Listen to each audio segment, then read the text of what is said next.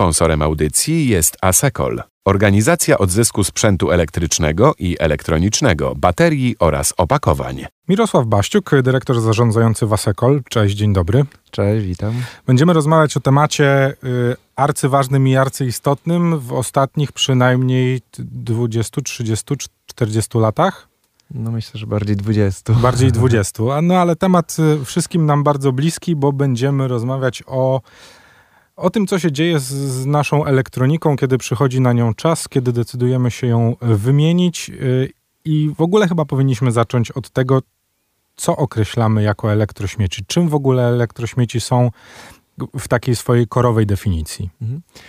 E, tak jak powiedziałeś, no to jest temat ostatnich 20 lat, ale tak naprawdę to ostatnich lat, ostatnich kilku lat, bo ta konsumpcja i ten sprzęt elektroniczny i bardzo mocno się rozwija, tak, coraz nowsze technologie, więc coraz częściej wymieniamy go.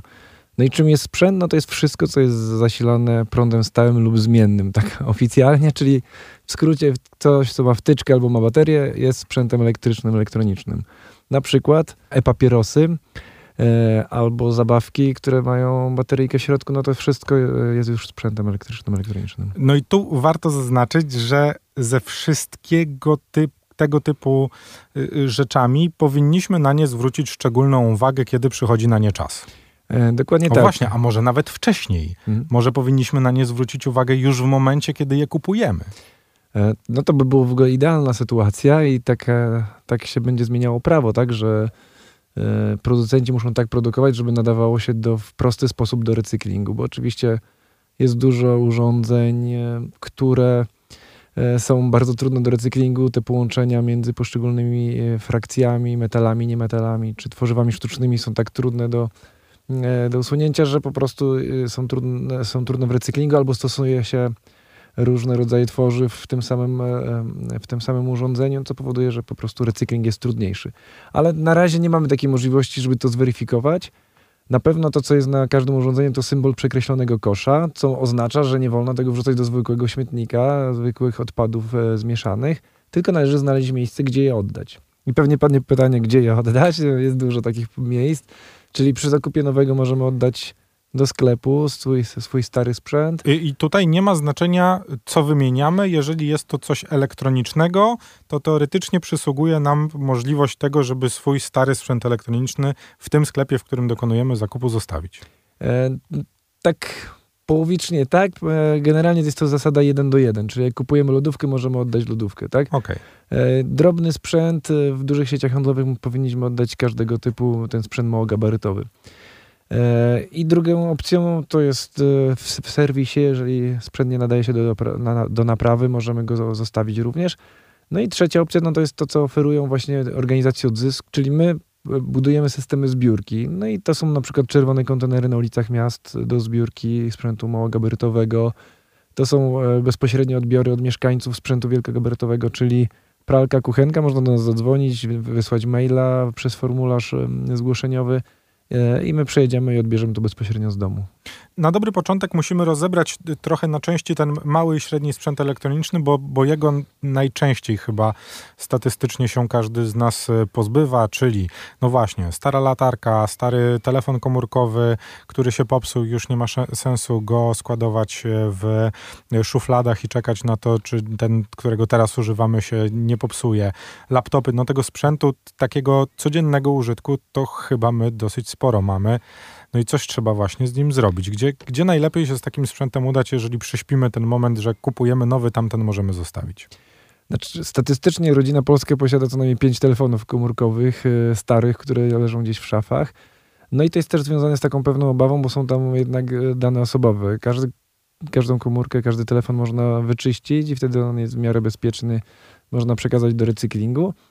E, no i tutaj te czerwone kontenery nam przychodzą, tak? Wchodzimy na stronę www.czerwonekontenery.pl, szukamy najbliższego punktu zbiórki, e, tam sobie wybieramy na przykład trzy najbliższe punkty i udajemy się tam, wrzucamy, to jest otwarte 24 godziny na dobę, bo to jest po prostu pojemnik. Można to zostawić. Oczywiście można to oddać również do, bo o tym nie wspomniałem, do punktów selektywnej zbiórki odpadów komunalnych, tych popularnych przoków. W tej chwili w Warszawie już mamy chyba cztery, to jak na tak duże miasto to prawie nie mamy wszoków i są to zazwyczaj jakieś odległe lokalizacje, ale to też jest opcja. No tak, ale wszoki też y, służą temu, żeby mieszkańcy, bo o tym też chyba tutaj warto zaznaczyć, mówimy o elektrośmieciach, ale wszoki są też takim miejscem, w którym można oddać te najbardziej problematyczne rzeczy, czyli na przykład farby. Dokładnie tak, no czyli wszelką chemię, no, również gruz, tak jak nie, nie mamy odbiorcy na to, to możemy zawieźć do, e, do przoku, więc Przoki są takim miejscem ostatniego kontaktu. Jeżeli Państwo, jeżeli nie wiecie, gdzie oddać odpad, no to warto zawieźć go do przoku. E, ale na pewno to, co jest najważniejsze w ogóle w gospodarce odpadami, to selektywna zbiórka, tak? Czyli nie mieszamy odpadów ze sobą, nie wrzucamy wszystkiego do odpadów takich komunalnych zmieszanych, tylko po to mamy cztery frakcje, mamy szkło, tworzywa, papier, tak, jako te trzy frakcje selektywne plus bioodpady, żebyśmy to osobno segregowali, bo tak naprawdę no to są po pierwsze nasze pieniądze, bo im gorzej segregujemy, tym więcej nas kosztuje gospodarka odpadami, czyli każdy płaci z nas więcej. Po drugie, to jest nasze środowisko, tak? Jak będzie, jeżeli to trafia do frakcji zmieszanej, no to duże prawdopodobieństwo, że trafi na, na składowisko odpadów, czyli e, zamiast zostać wykorzystane, no to będzie, będzie po prostu zanieczyszczało środowisko. Po trzecie, no to jest, e, to jest tak zwana urban mining, czyli kopalnia miejska, kopalnia surowców, bo szczególnie ze zużytego sprzętu elektrycznego, elektronicznego odzyskujemy tak wprost metale żelazne, metale nieżelazne, czyli miedź, aluminium, ale później no, są też te frakcje cenne, czyli na przykład pierwiastki ziem rzadkich. Oczywiście statystycznie w, w jednym telefonie komórkowym tego nie ma dużo, ale my tu mówimy o masie, tak? No, my jako Asekol zbieramy ponad 50 tysięcy ton rocznie zużytego sprzętu elektrycznego, elektronicznego, a to oznacza, że no, z tych 50 tysięcy ton co najmniej te 80% to jest czysty recykling, tak? Te 20% to może być odzysk, może być trochę unieszkodliwiania, szczególnie odpadów niebezpiecznych. Bo to jest czwarty aspekt, czyli te e, odpady niebezpieczne, które znajdują się właśnie chociażby w telewizorach starych, no to jest luminofor, cała tablica Mendelejewa, metale ciężkie, które się kumulują w organizmach żywych i jakby migrują. E, w lodówkach, no to szczególnie starych, no to są substancje zubażające warstwę ozonową, więc no, my dbamy o to nie tylko o to, żeby odzyskać ceny surowca, ale też zagospodarować odpady niebezpieczne w odpowiedni sposób. Czy są jakieś sprzęty, na które powinniśmy zwrócić szczególną uwagę?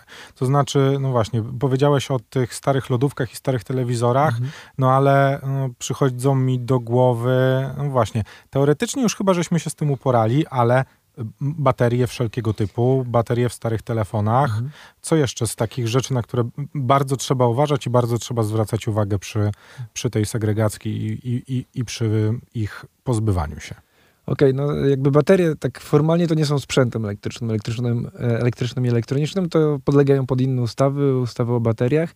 Baterie powinniśmy też odpowiednio na pewno nie wrzucać do, do pojemnika zmieszanego, a bardzo wiele osób ciągle to robi, bo to jest proste. A, a w sumie baterie możemy oddać w każdym sklepie, który sprzedaje baterie i powinniśmy to e, na pewno e, pilnować. No takie miejsca też się pojawiają w urzędach, w instytucjach Dokładnie. najprzeróżniejszych, no tych miejsc bateryjnych. Ja właśnie tak może śmiało założyłem, że myśmy trochę się z tym uporali i trochę przeszliśmy już na, na w miarę życie z tym, że no właśnie baterie nie do kosza, tylko gdzie indziej, no bo te baterie jak trafią na wysypisko, to naprawdę może być niefajnie.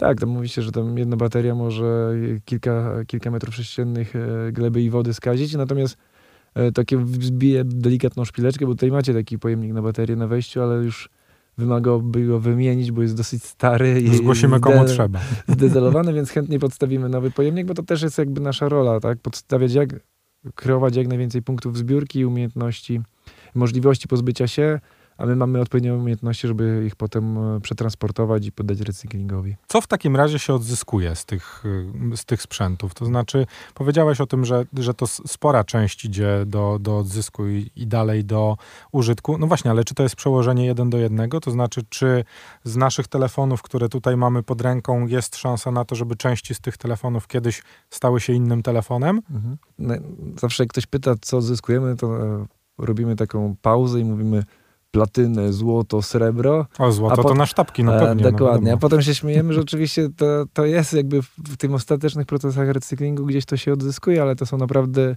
e, gramy z, z tony danego odpadu, więc to nie są duże ilości. Pierwszą taką najważniejszą formą recyklingu to jest tak naprawdę powtórne użycie. No i my tam, gdzie się da, staramy się użyć, powtórnie użyć albo części, albo urządzenia. Natomiast to nie stanowi w tej chwili, no to jest na pewno poniżej 3% w ogóle całego recyklingu, bo większość urządzeń jest tak projektowanych, żeby właśnie nie udało się ponownie użyć tych, tych telefonów czy części z tych telefonów. I to zmienia nowa, nowa, nowa, nowa dyrektywa, która będzie właśnie wymuszała na producentach możliwość naprawy po pierwsze urządzeń, bo, bo w tej chwili naprawa jest nawet utrudniona, a po drugie powtórne wykorzystanie części. Także to jest przyszłość dopiero. Na razie to jest tak zwany recykling materiałowy, czyli staramy się jak najlepiej mm, rozsortować części, bo tak mm, urządzenia są albo demontowane ręcznie, albo mechanicznie, w zależności od typu urządzeń.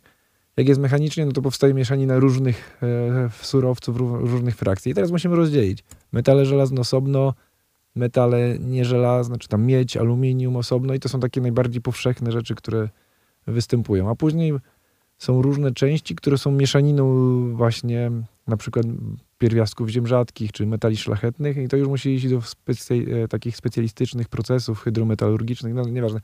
Muszą być piece, musi być przetopione, musi być odzyskane e, te frakcje i to nie w Polsce się dzieje, tylko najczęściej za granicą.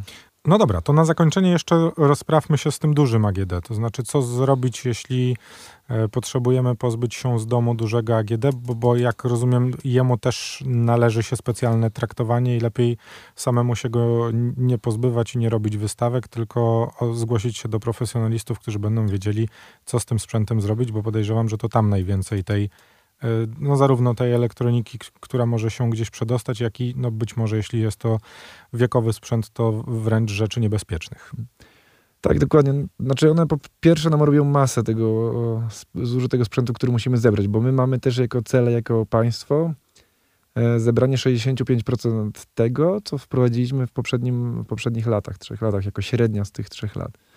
Więc my musimy zbierać jak najwięcej tego sprzętu, no i to oczywiście nie zrobimy tego mało sprzętem małogabarytowym. Ta masa nam jest potrzebna, to jest pierwsza ważna informacja. Po drugie, no jak jeżeli to wystawimy przed, mm, przed budynek, to na pewno pierwszy lepszy edit, czyli ten złomiarz podejdzie i z lodówki wytnie kompresor. Czy jak wytnie kompresor, to olej się wydostanie do gleby, a substancje zubażające warstwę ozonową wydostaną się do powietrza. No i mamy, no, mamy klops w tym momencie, więc najważniejsza jest pierwsza rzecz – żeby to trafiło do odpowiednie, w odpowiednie ręce. I tak samo te różne firmy, które się ogłaszają, które nie są e, certyfikowane, że odbiorą, no to są najczęściej złomiarze, którzy właśnie demontują to swoimi metodami takimi garażowymi, czyli generalnie nie dbają o środowisko, bo, no bo to nie jest ich cel. Oni chcą zarobić na metalach.